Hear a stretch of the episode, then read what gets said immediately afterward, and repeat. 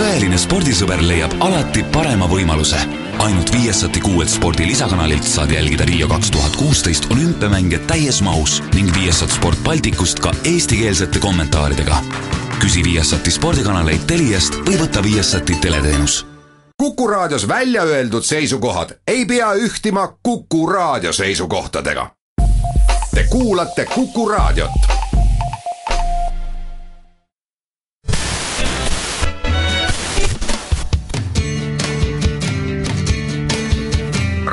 Talsinki. Radio Talsinki ja unikaalsed Eesti lood toob teieni Solosokos Hotel Estoria. Radio Talsinki Tervetuloa jälleen Radio Talsinki ohjelman pariin ja Kukkuradion aalloille ja myöhemmin sitten myöskin SSS-radion aalloille. Ensin tämä ohjelma lähetetään tuota Kukkuradiosta normaalisti kello 21.00 ja sitten tiistaina me ajetaan tämä omalta kanavaltamme 92,4 MHz ja sitten tämä tulee myöskin Radio Finlandialta ulos siellä Espanjan päässä analogisesti. Ja tiedätkö vielä mitä Timo? No mitä? No tämä ohjelma tulee sitten myöskin Iissä ulos tuolla tuota Humppa-radiossa, eli okay. Radio Talsingilla on kyllä aika melkoinen. Sillä lailla. Rossin Timon kanssa täällä mm. tosiaankin ollaan studiossa jälleen katsomassa maailman menoa ja ja tuota, äänessä on tutusti Tapio Reini myöskin. Lähdetään tuota liikkeelle aikamoisella tällaisella aiheella, joka saattaa sitten herättää hieman keskustelua myöskin Turkulaisnainen synnytti Virossa passin saanti vauvalle kesti kuukauden. Joo, tulikin yllätyksenä tämmöinen, että, että tuota, törmää tämmöiseen asiaan, jos sattuu tuota ennen aikaa synnyttämään ja ulkomailla. Että en mä tiennyt, että tämmöinen on. Joo, tämä on aika tällainen, tuota, tietysti voidaan aina spekuloida ja syytellä, että miksi lähti sitten näin viimeisillään, jos on raskaana, mutta tämä kuukausi oli vielä synnytykseen aikaa, eli en, en nyt pitäisi tätä tuota, ainakaan lähti syyllistämään vanhempia vielä tästä asiasta. No ei tietenkään, ja tota, kuka sen tietää matkalle lähtiessä, että saattaisi näin käydä ei kukaan ja sehän nyt voi aina tuo syntyminen tapahtua joskus silloin tällä vähän etuajassa. Mutta tämä on aika metka juttu nimittäin. Raskaana ollut turkulaisnainen lähti miehensä kanssa lyhyelle lomareissulle siis Tartoon. Ja sitten tuota, tämä synnytys tapahtui. Ja, ja, ja sitten tuota, ei se ollutkaan niin helppo nakki sit lasta saada Suomeen. Joo, siinä tarvittiin tuota, virallisesti rekisteröidä Suomen kansalaiseksi, eli virkatodistus saada ja tämä tarvii henkilötunnukset ja kaikki ja, ja tuota, tietysti passikuvat ja muut piti järjestää ja sekä ei ollut ihan yksinkertaista. Ei, koska tyttövauva silmät eivät olleet pysyä auki, mikä aiheutti lisähaasteen. Eli viikko sinne sitten vissiin odoteltiin, että saadaan tuota kuva hänestä. Joo, se on, passikuvassa on oltava silmät auki, niin tuota, sitä sitten oli siellä odotettu, että koska saadaan semmoinen hetki, että silmät pysyy valokuva ajan auki jo. Kyllä, tämä tuota, jollakin tavalla tässä tuntuisi, että tässä olisi joku maalaisjärki juttu sellainen, että tämä lapsi kuitenkin saataisiin tuota nopeammin Suomeen. Aika, aika tuota, jollakin tavalla tuntuu niin kuitenkin sairaalastahan syntymätodistuksen saa, että kyllähän sillä jonkunlainen todistearvo on, että tämä on äh, henkilö oma lapsi.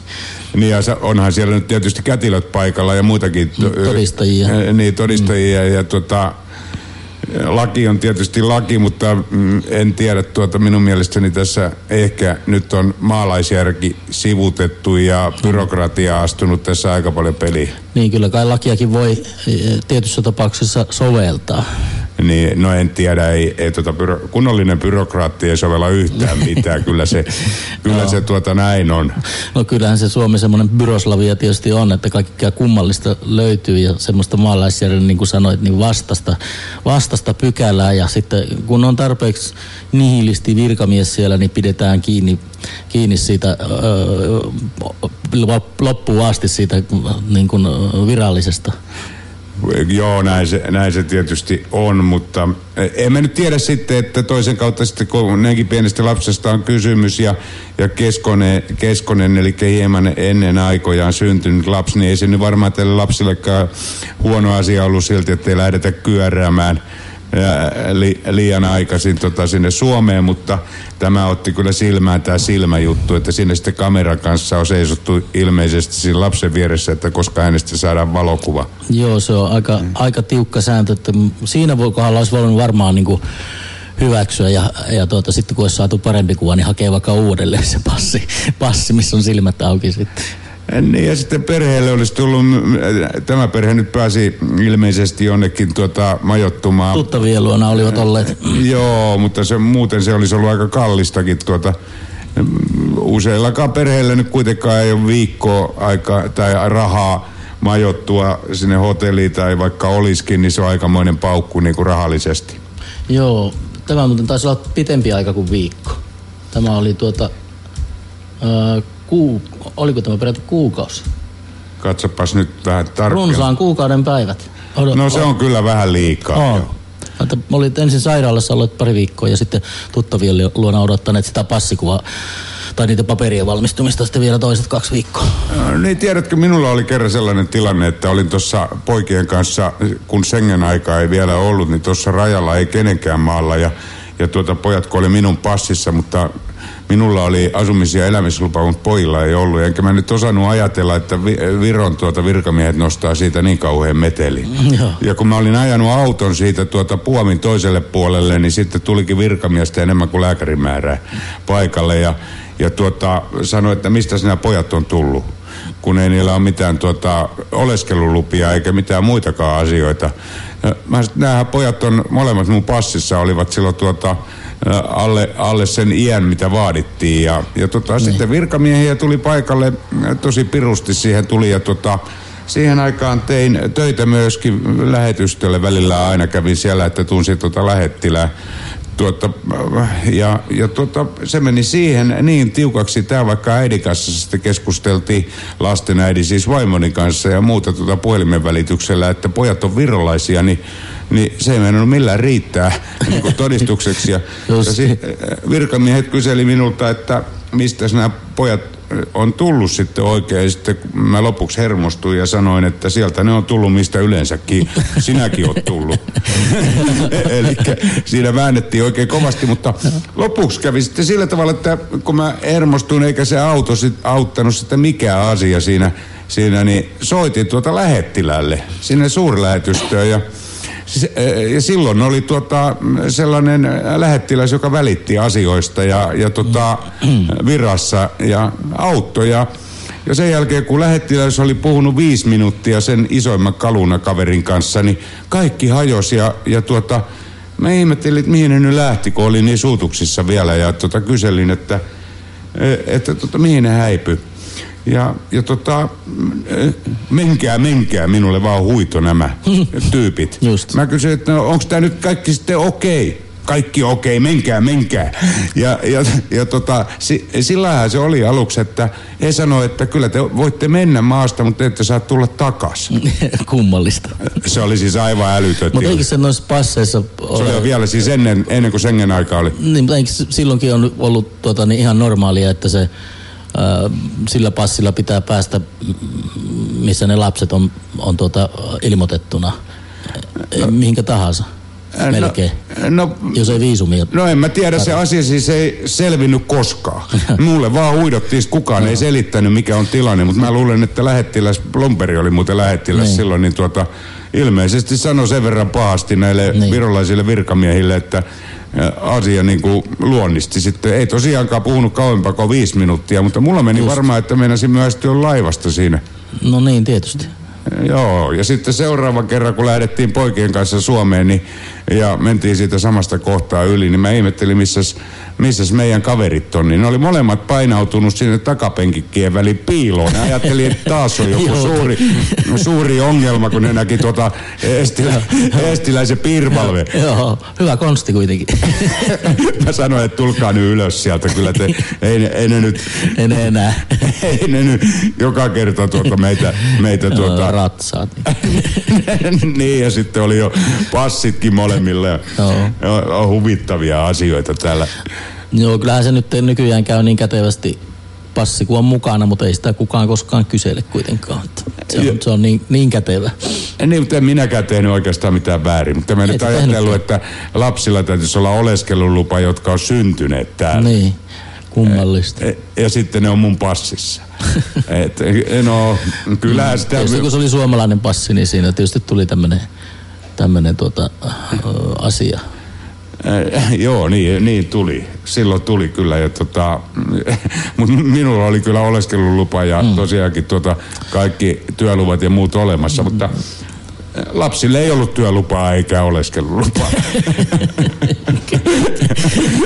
Kyllä täällä kuule virosuomalaiset on ollut täällä kuulusteluissa, itsekin olen ollut täällä kuulusteluissa ja vaikka missä tuota selvitetty, että mistä sä tulit ja minne sä oot menossa ja, ja, ja vaikka mitä. Ja sitten kun päästiin sinne sinne tuota, Helsingin rajalle, mä muistan, niin se ensimmäisiä kertoja, niin Suomen rajavartiolaitos sitten puhutti äh, esimerkiksi minun nykyistä vaimoa siinä, tota, että et mitä tekee Suomessa. Vielä odotti meidän ensimmäistä esikoista lasta siinä. No osataan se Lahden toisella puolellakin sitten. Joo, se tuntui niinku kiusaamiselta no. molemmin puolin Lahteen, että mitä, mitä enemmän tota kiusattiin virolaisia, niin sitten annettiin eh, takaisin tällä, mm. Eh, tällä puolella Lahteen. Ja, ja sielläkin sitten sano, sanoin tuota, kun kyllästyin, niin aika pahasti tälle virkamiehelle silloin siellä, että jos sun oma vaimos nyt tekee tällaista rahahommaa ja muuta, niin älä nyt perkele luule, että kaikkien, kaikkien muidenkin muijat tekee sitä. no, kaveri varmaan vähän kurtisteli kulmia. No joo, siinä sitten tota noin, niin joo, mä alkoi nimittäin ottamaan yhdessä no. vaiheessa. Ja otti muuten monia muitakin virosuomalaisia. No, tuo aika, aika henkilökohtainen loukkaus tuommoinen.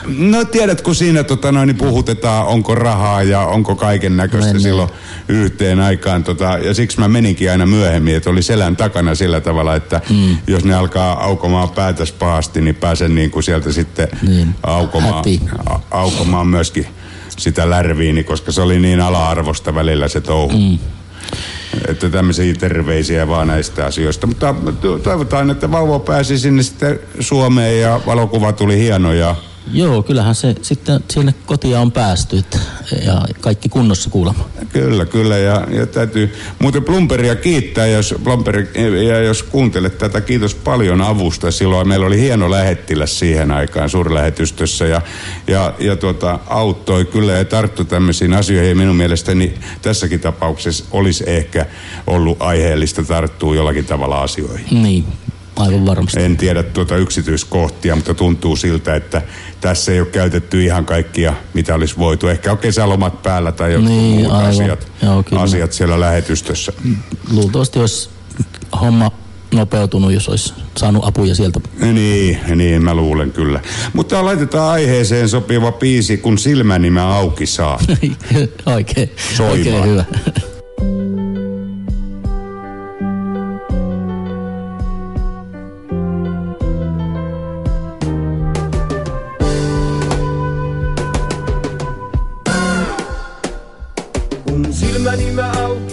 Ja sinut siinä näen mä ihan lähelläin.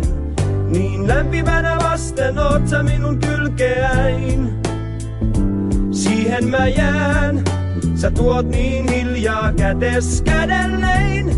Sanot kultasein, mä näin tahdon olla vain. Mun huljani etsien sä harot hiuksiain ja sulat suudelmaan. Vain hyvän olon hiipivän mä tunnen suonissain.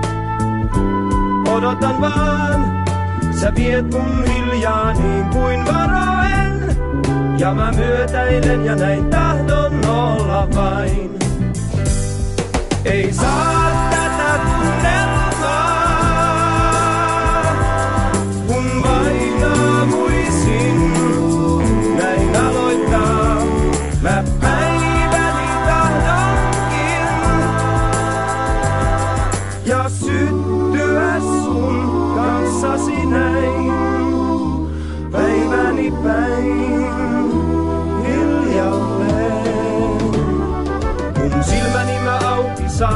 sinut siinä näen mä ihan lähelläin. Niin lämpimänä vasten oot sä minun kylkeäin. siihen mä jään. Sä tuot niin hiljaa kätes kädellein. Sanot kultasein, mä näin tahdon olla vain.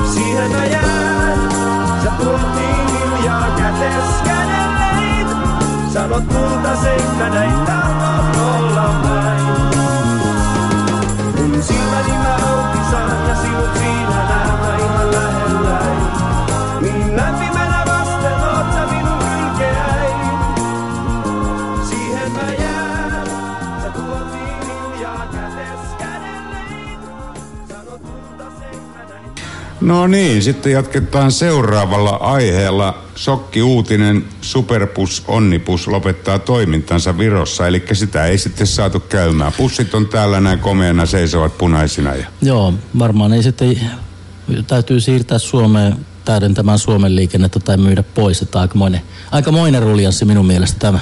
Joo, onnipussitarina Virossa jäämässä lyhyeksi näin kirjoittaa tosiaankin Tallinna 24 Lotilansalin porukka ja nimellä Superbus Virossa toimiva Onnibus lopettaa toimintansa Virossa. Se kertoo lopetuspäätöksestä tänään perjantaina internetin kotisivuillaan ja toiminta loppuu Virossa ja ensi viikolla 31. päivä 7 ostetut matkaliput lunastetaan takaisin. Ja se nehän ei ollut kovin kalliita ne liput edes. Eihän ne ollut, Riikaan pääsi muutamalla eurolla ja niin edelleen. Joo, niin heillä on ollut tota, superbussilla on Virossa reitit ollut Tallinnasta Narvaan, Tartoon, Pärnuun ja Riikaan. Joo. Ja siellä on maantieviraston kanssa sitten painittu. No joo, siellä on tota, tullut ilmeisesti, ilmeisesti sitten mennyt sukset ristiin ja nyt tuossa maantieviraston mä en ole tarkemmin lukenut, mutta mä luulen, että on kysy- kysymys siitä, että missä nämä bussit saa pysähtyä esimerkiksi. Että tuota, se vaikuttaa tietysti siihen matkustajamääriin, jos ne pysäkit on, on tota, ei, ole, ei ole missään keskuksissa.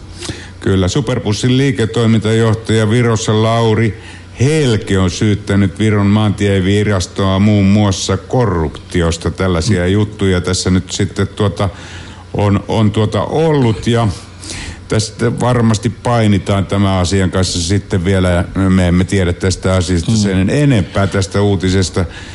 Onko sitten tuota liikaa pusseja täällä? No sekin voi olla tietysti, että on liikaa noita muitakin kulkee samoilla reitillä vastaavan ta- tasoisia busseja ja ei niidenkään hinnat kovin korkeita ole.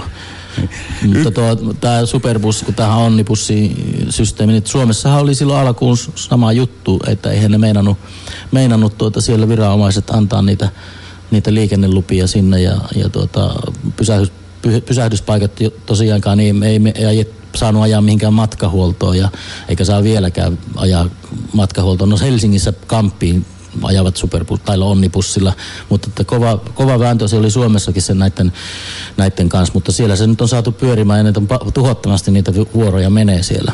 Eikä ne sielläkään ne hinnat ole sen kummempia ihan yhtä halvalla siellä pääsee. Siis Esimerkiksi minä olen mennyt Helsingistä Tampereelle kuudella eurolla. Sitten toinen asia, mikä Suomessa oli, että nämä muut bussiyhtiöt, jotka on, on niin kuin vanhoja yhtiöitä ja niillä on ne reitit, reitit myönnetty tiettyihin paikkoihin, niin ni- niiden taholta tuli kova painostus sinne viranomaiselle, että tämmöistä ei saa sallia.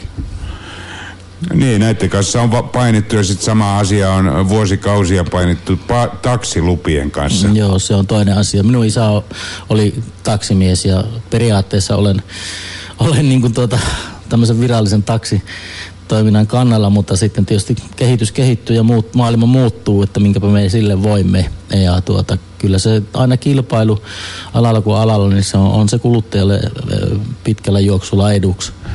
Niin tässä on monta sellaista asiaa, jota täytyisi ottaa aina huomioon, että kolikolla on kaksi puolta ja, ja näistä ei tuota, kaikista voi aina sanoa välittömästi mikä on oikein ja mikä on väärin ja, ja tuota, niinpä me jätämme tämän maantieviraston ja ja tämä bussifirma painimaan keskenään tästä asiasta. Ja tuota, Tallinna 24 on luvannut tästä kirjoittaa lisää tästä tästä jutusta, kun tilanne vähän aukeaa ja, ja mekin seurataan tietysti sitä mielenkiinnolla, että mitä siinä sitten tulevaisuudessa tapahtuu. No varmasti ei tapahdu mitään muuta kuin, että se liikenne loppuu. Niin, se nyt on ensimmäinen mm. asia ja bussit siirtyy sitten mm. tuonne mm. laivaan ja ilmeisesti niin. Suomen puolelle. No, se nähdään sitten. Voihan siinä olla tietysti taktiikkaa ja ehkä startataan myöhemmin, mutta kun ei tiedetä, niin ei arvailla. Niin, ja sitten saattaa olla, että menee Latviaan. No sekin voi olla tietysti. Mm. Aloittaa tai siellä. Liettua. Niin, aivan.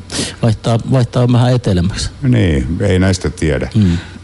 No, se teema oli sellainen ja tähän sopii oikein hyvin laulu linja-autossa on tunnelmaa ja laitetaan se nyt soimaan sitten seuraavaksi. Linjuriauto maantienässä, jos olet jonnekin pyrkimässä, kättäsi heiluta auton tullen, kyydin se antaa sullen. Rakkaus jättää ja lempikin pettää, linjuriauto vain hylkää kettää, kaikki se ottaa ja kaikki se nielee, jää vaikka oven pieleen. Linja-autossa on myös tunnelmaa, linja-autossa matka katkeaa.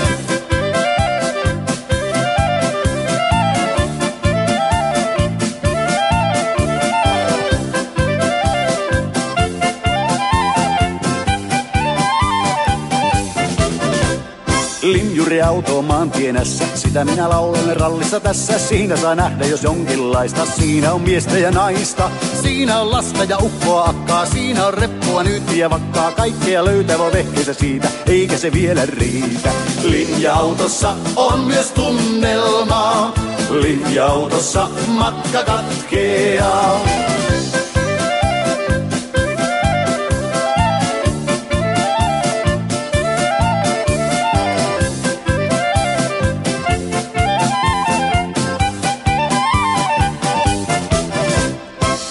Linjuriauto maantienässä, siinäpä melskeessä tärinässä, huumorikaan ei loppua malta, edes kuljettajalta. Mänkehän veikkoset taemmaksi, vieläkään mahtuu akka tai kaksi, kolmaskin vielä ja neljä ja viisi, kuudes voi sun hiisi. Linja-autossa on myös tunnelmaa, linja-autossa matka katkeaa.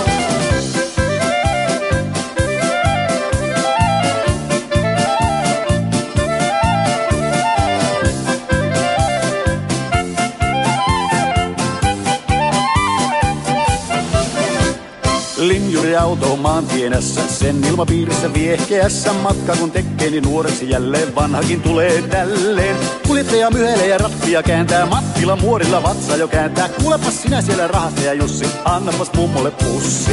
Linja-autossa on myös tunnelmaa, linja-autossa matka katkeaa.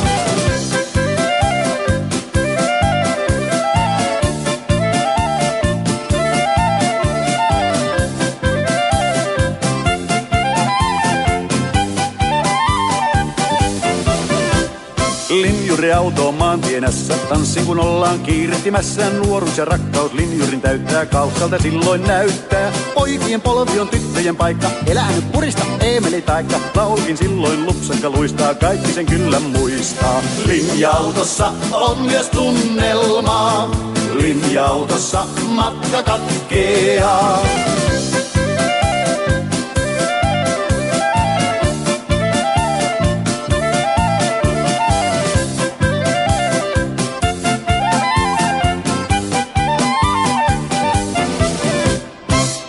Pidetäänpä pieni tauko tässä välissä ja palaan taas sitten jälleen Kukkuradion aalloille ja Radio Talsikin ohjelman pariin.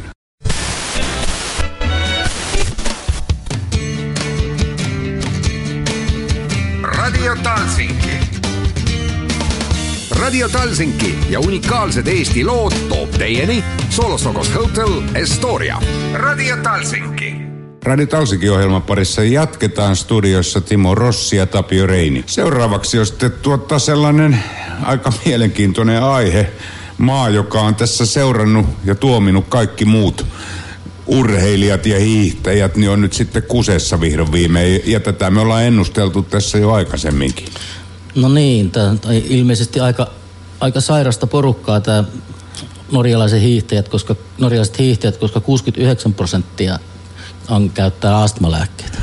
No tuntuu siltä, että siellä melkoinen köhinä kyllä kuuluu nyt norjalaisten osalta. SVT jopa 42 norjalaista olympiamitalistia käyttänyt astmalääkkeitä, eli luulisin, että niinkin tuota kovakuntoiset ihmiset niin ei sitten joutuisi käyttämään. Astmalääkkeen käytöstä kilpailukielon saanut Martin Jonsrup Sandby ei ole ainoa lääkitystä käyttänyt hiihtäjä. Norjalaislehden tutkimuksen mukaan jopa 69 prosenttia maa olympiamitalisteista on käyttänyt astmalääkitystä vuoden 1992 jälkeen. Eli ei tarvi nyt sitten kyllä paljon ihmetellä, miksi heillä on aina kahdeksan ensimmäistä sijaa. Joo, tämä auttaa kyllä tuota suorituksessa jollakin tavalla, jota minä en tiedä. No se auttaa sillä tavalla, että kun tulee y- ylämäki ja silloin kun tota, normaali ihminen hyytyy, joka ei käytä tuota näitä aihe- aineita, niin äh, happea enemmän kehossa ja tuota, nehän lähtee sinne ylämäkeen kuin raketit. Eli tuota, kovakuntoiselle ihmiselle tämmöinen astmalääke, joka, joka tuota avaa avaa hänen hengityselimiä ja muuta, niin antaa semmoisen potkun tuohon tuota nimenomaan noihin ylämäkiin ja muihin, että siinä sitten alkaa toiset jäämään ja Norja-lippu heilumaan. Tässä voisi kysyä lääkäreiden etiikan perään, jos, että onko he tutkineet, että näillä, heillä oikeasti on astma. Vai määrätäänkö näitä ihan vaan tämän hiihtoliiton määräyksestä? Täällä, täällä tuota myöskin puhutaan, että Sandpin tapaus on saanut useat asiantuntijat epäilemään, kärsiikö niin moni norjalaishiihtäjä todella astmasta. Ei pidä paikkaansa, että norjalaisilla olisi enemmän astmaa kuin muilla. Lääkäri Ingar Lereim totesi Dagbladetille lauantaina. Joo. Tässähän Norjan maajoukkueen johtaja tuota selittelee tätä, että tämän, mukaan niin astma on, on hiihtäjien ammattitauti. Tuo luku kertoo minulle, että hengitystien sairaus on hiihtäjien ammattitauti tai tauti. Muista maista löytyy epäilemättä samankaltaisia lukuja, lukuja Lövshus sanoi, joka on tämän Norjan maajoukkueen johtaja. No minun mielestäni norjalaisten kannattaa nyt tuota, nostaa siellä omassa kotimaassaan kissa pöydälle ja mm. tuota, tunnustaa, että tässä on väärinkäytökset menossa ja, ja tuota, he ovat tuomineet niin norjalaiset, suomalaiset, virolaiset kuin kaikki muutkin hiihteet, pitäneet pirun kovaa meteliä, että minkälainen mm. tuota, pyhimysmaa Norja on ja, ja tuota, sillä tavalla niin nyt olisi norskien sitten aika niin syödä vähän turskaa välillä ja, ja tota, alkaa puhumaan totta ja tunnustaa itselleen ensin nämä asiat. Haluaisin myöskin, että ruotsalaiset tuota, nostasivat kissan pöydälle, koska nyt pidetään, ruotsalaiset pitää norjalaisten puolia. Ruotsin maajoukkueen valmentaja Richard Kripp luottaa Norjan maajoukkueen puhtauteen. No joo, siinä on ilmeisesti sitten Sveduilla sama juttu, että siellä sitten pelätään sitä, että nythän tässä aletaan tutkimaan heitäkin. Ja... No se voi olla näin. Ja tässä tuota, varmastikin tulee selviämään myöskin se asia, että miksi Suomen hiihto on ollut niin lamassa, jos toiset on käyttänyt astmalääkkeitä ja, ja Lahden jälkeen me ei olla sitten uskallettu niitä käytellä. Ja, ja tuota, kun käytiin itse läpi tämä karmea tuota, doping-sotku. Mm, hirvittävä huono julkisuus koko lajille. Ja, ja tuota, mun isä oli itse asiassa ilmeisesti oikeassa, koska hän ei uskonut, että suomalaiset olisi kä- käyttänyt sen enempää kuin norjalaisetkaan. Ja nyt se sitten paljastui. No tuntuu siltä, että isäukkos oli oikeilla jäljillä. No ja... se on niin vanha hiihtourheilun seuraaja, että se on tietäjä. Joo, eli tota, nyt voi heittää roskakoriin sen pyhimyskehän norskit päältä, pään päältä ja, ja ruotsalaisien kannattaa pitää myöskin mm, niin sanotusti turpansa kiinni tästä, tästä asiasta ja alkaa nyt jo etukäteen tutkimaan, että montako sieltä löytyy. Aivan. Eikö se ole aika hyvin sanottu? Se on ihan suoraa puhetta. niin. Kuunnellaan tämän jutun jälkeen oikein hyvä tuota, biisi tähän väliin. Popedalta Sukset, sukset. Joo, suksia ei loista.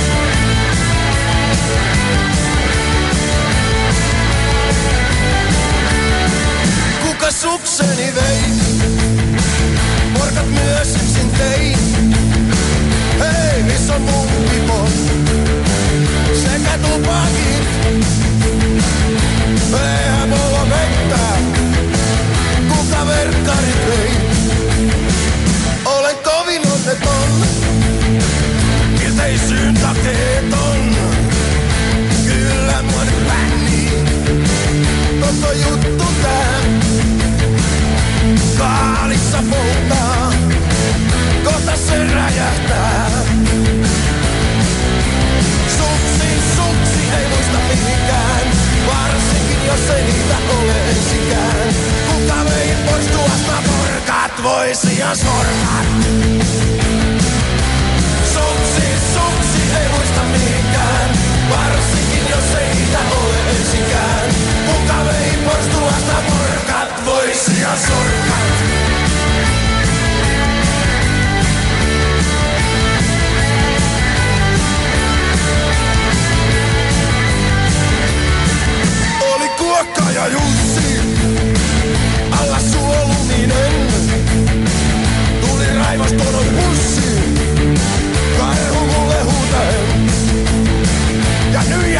Guacatán está carne con calavera la perra.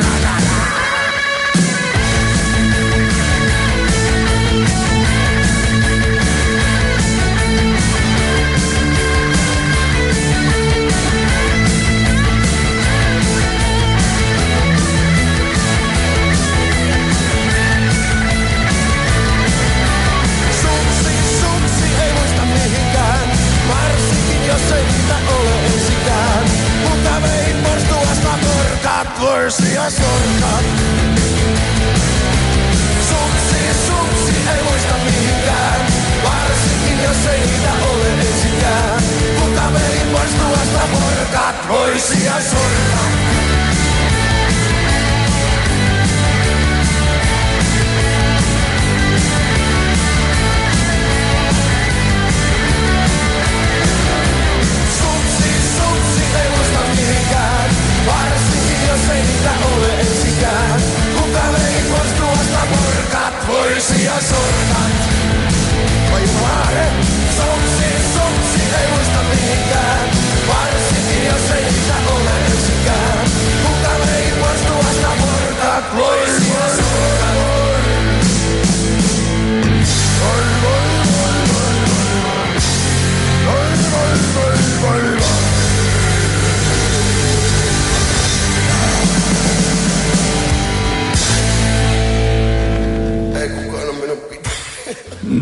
Niin, pidetäänpä pieni katkos tässä välissä ja jatketaan sitten taas muilla aiheilla.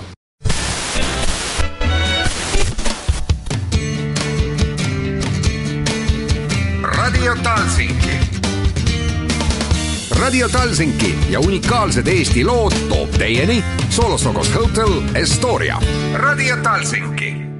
Radio Talsingin osalta jatketaan ja Kukkuradion aalloilla ja, ja myöhemmin myöskin 92,4 MHz siellä SSS-radion omilla laineilla ja sitten myöskin siellä Espanjassa ja missä kaikissa paikoissa me sitten kuulutaan. Kiis. Iissä, niin, niin, sielläkin tulee Talsinki ulos.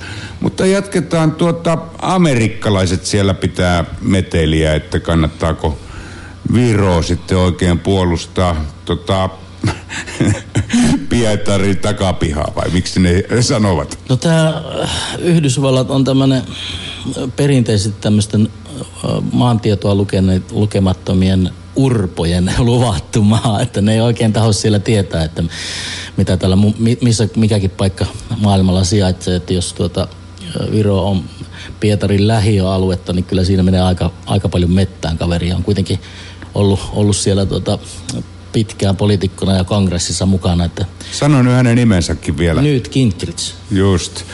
Ja näin hän mainitsee, että Viro on Pietarin lähialueilla 40 prosenttia Virosta on venäläisiä ja entisen edustajahuoneen puhemiehen mukaan venäläiset eivät välttämättä tule rajan yli sotilailla. Tämä kaveri on tuota republi- republikaanien veteraanipoliitikko ja haastateltiin tästä löytyvässä CBS This Morningissa Ohion puoluekokouksen yhteydessä ja, ja sellaisia sammakoita sitten päästeli suustaan ja siellä myöskin Naton tuota, pomot ei sitten oikein tykännyt hänen lausunnoistaan. No sen voi kyllä arvata. Joo, mutta noinkin korkeilla kun kaveri on ollut ja päästelee tommosia suustaan, niin, niin tuota, aika, aika vaarallista puhetta. Niin, mistä tietää, jos on jo vähän seniili. Mä luulen, että eihän se Niili ole, hän on tyhmä. Siis ihan, ihan tommonen juntti, punaniska, tyhmä jenkki. No näinhän se on trumpimiehiä. Eh, Täysin trumpin miehiä ja, ja tuota, näitä nyt kun joudutaan lueskelemaan, mitä, mitä sammakoita sieltä tosiaankin tulee, niin kannattaisi tuota, ottaa vaikka tänne Viroon yhtey, yhteys. Tänne pitäisi nyt olla kyllä aika hyvät yhteydet, koska Viro nyt kuuluu NATOon ja täällä on vaikka minkälaista naamaria ja täällä on myöskin a- Amerikan lähetystö, johon voisi soitella, jos ei satu tietämään näistä asioista tuon taivaallista. Joo, ja sitten googlaamallahan saa paljon tietoa kanssa. Ja Google Mapsista voi katsoa, että missä päin Viro sijaitsee. Joo, täällä hän sitten salo, sanoo, että en ole varma, äh, että riskeeraisin ydinsodan jonkun paikan takia, joka on Pietari esikaupungissa. Joo, ylimielistä puhetta. No ihan täysin, mutta tämä nyt on sitä, sitä tuota, että koskaan ei tiedä, että yhtenä päivänä voi asiat vaihtua niin paljon tämän Naton osaltakin, että sitä purukumiakin kannattaisi väylätä vähän äh, niin kuin pienemmällä otteella sillä tavalla, kun kertoo, että NATO suojelee meitä. Mm, Tämä voi tietysti tämmöiset, kun vaihtuu valta, niin voi myöskin asiat muuttua. hyvinkin nopeassa tahdissa. Mutta kyllähän tämä tuota, mm, eikös me Timo leimata tämä superurpoksi tämä jätkä? Kyllä me voidaan leimata ja ollaan, ollaan tot varmaan ihan oikeassa. Niin, ja terveisiä vaan sinne Amerikan suurlähetystöön, että katsokaa nyt vähän, että ketä urpoja äänestätte niissä presidenttivaaleissa. Kyllä. Se siitä ja tähän sopii oikein hyvin laulu Amerikkaan, Amerikkaan.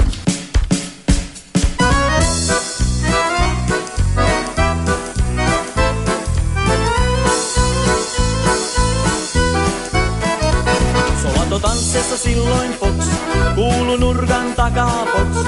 Nosti itse tuntua miehet kadun pohjolan. Vielä pinet sitten sisään vaan, ja kautta kanttiin tanssimaan. Näyttänyt perukkeutta ujoimmaltakaan puuttuvan. Sekä luo hieman suurempaa, tahtoi moni siksi meren taa. Osti vaarikin itselleen biljetin, halus nähdä New Yorkin. Amerikkaan, Amerikkaan, lähti Suomen miehet innoissaan. Amerikkaan, Amerikkaan, joukolla kultaa kaivamaan. Amerikkaan, Amerikkaan, ruutia oli kuka tahtoiskaan. Jäädä kotikulman peltoja kuokkimaan, sispä joukolla Amerikkaan.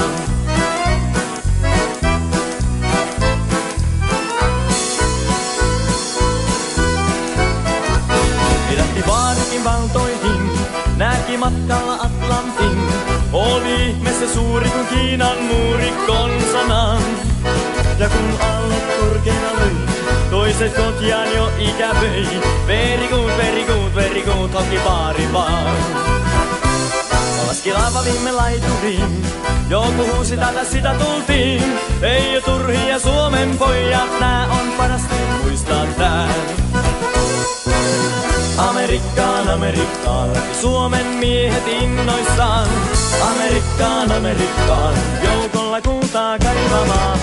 Amerikkaan, Amerikkaan, moni jäänyt etaloja tienaamaan. Saapui vaarikin takaisin aikanaan, vain muistoja taskuissaan.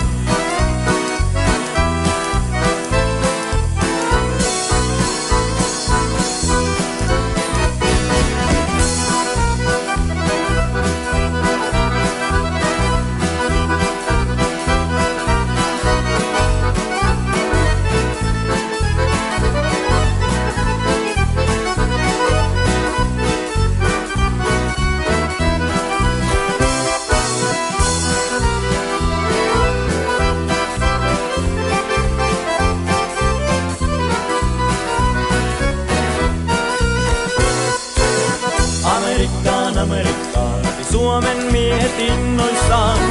Amerikkaan, Amerikkaan, joukolla kultaa kaivamaan.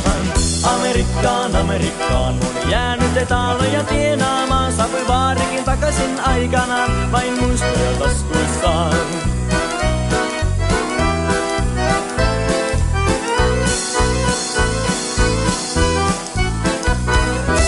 Seuraavaksi lähdetään Yle Radion sivuille ja täällä on seuraava juttu tuota, talouspuolella? Joo, Su- Suomesta on hävinnyt vuodessa 500 maitotilaa ja tuota, siellä nyt Pellerevon tut- taloustutkimuksen mukaan niin uusi uhka on Baltian kasvava tuotanto, eli Virossa, Latviassa ja Liettuassa.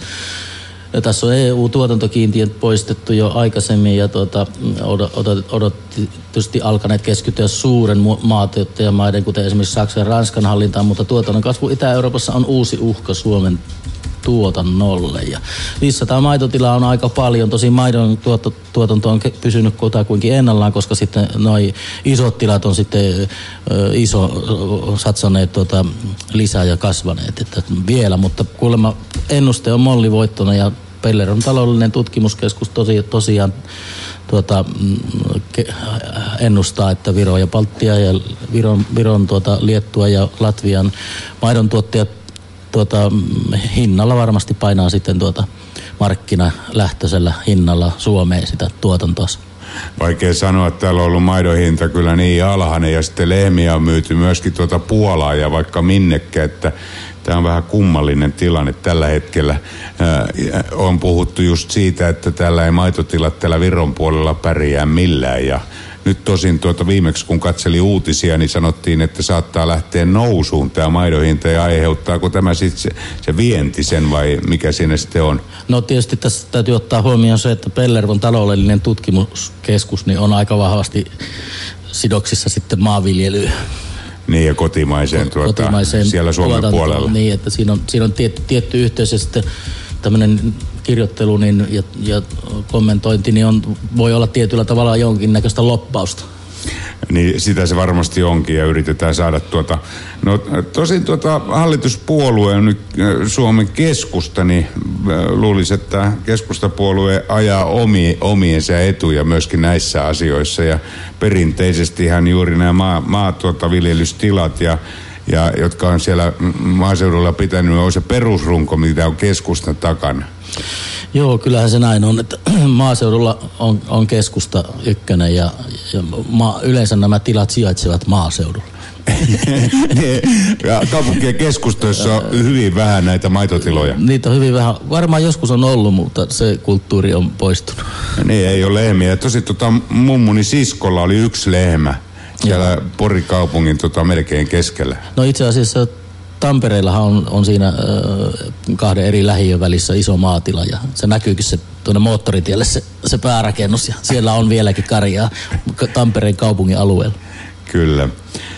Minä toivon joka tapauksessa, että Viron maitotilat pärjäisi ja ei jouduttaisi juomaan tuonti, tuontimaitoa ja pysyisi pystyssä siellä. Siellä on melkoiset taistelut ollut, kun tuet ei ole suinkaan ollut sitä luokkaa, mitä tuota niin. Suomessa on saatu, että ei, ei tota noin, niin mä olen sitä mieltä, että vaikka nyt Suomessa olisi yhden yhden tuota kuukauden tuet ryypännytkin maataloustuet, niin silti pärjäsi.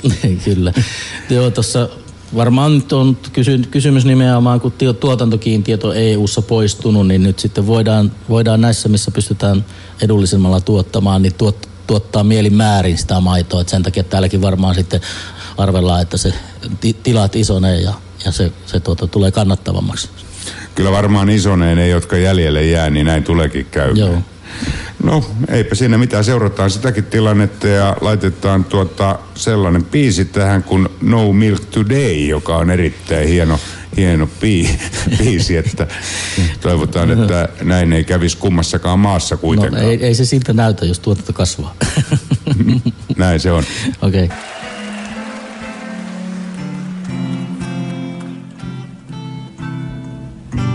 Milk today, my lover's gone away. The bottle for Lord, a symbol of goodbye. No milk today, it seems a common sight. But people passing by don't know the reason why. How could they know just what this message means?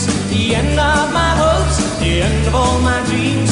How could they know a palace there had been where my love as queen? No milk today, it wasn't always so. The company was gay, we turned night into day. But all that's left is a place not lonely, a terraced house in a new street back of town. Becomes a shrine when I think of you only, just to enter down. No milk today, it wasn't always so. Music plays, the faster that we dance. We felt cold at once, the start of our romance. How could they know just what this message means? The end of my hopes, the end of all my dreams. How could they know a palace there have been behind the door where my love reigned as queen? No milk today, my lover's gone away. The bottle stands for love, a symbol of goodwill.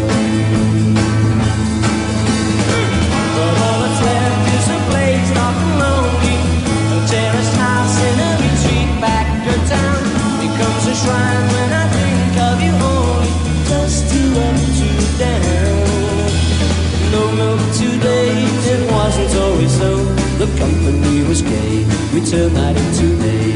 As music played, the faster that we danced, we felt it over once, the start of our romance. How could they know just what this message means? The end of my hopes, the end of all my dreams. How could they know a palace had been behind the door where my love reigned as queen? No milk today, my lover's gone away. The bottle stands for love, a of goodwill.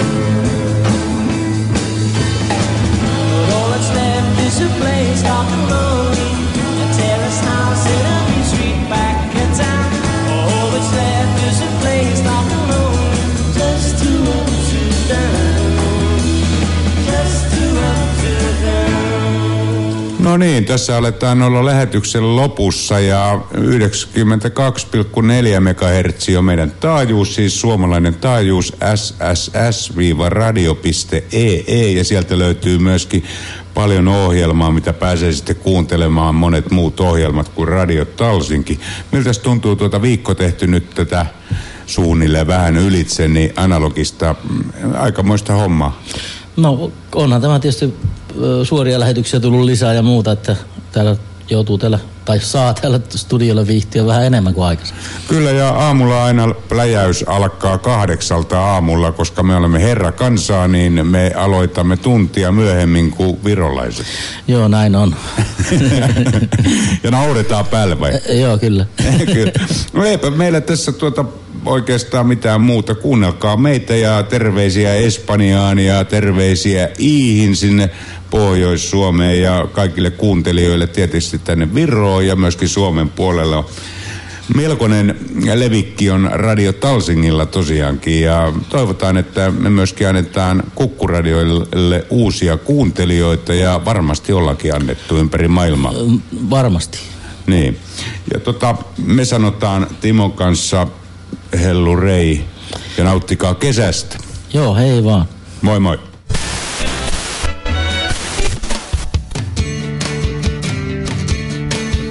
Radio Talsinki.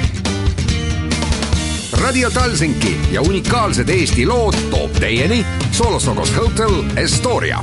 Radio Talsinki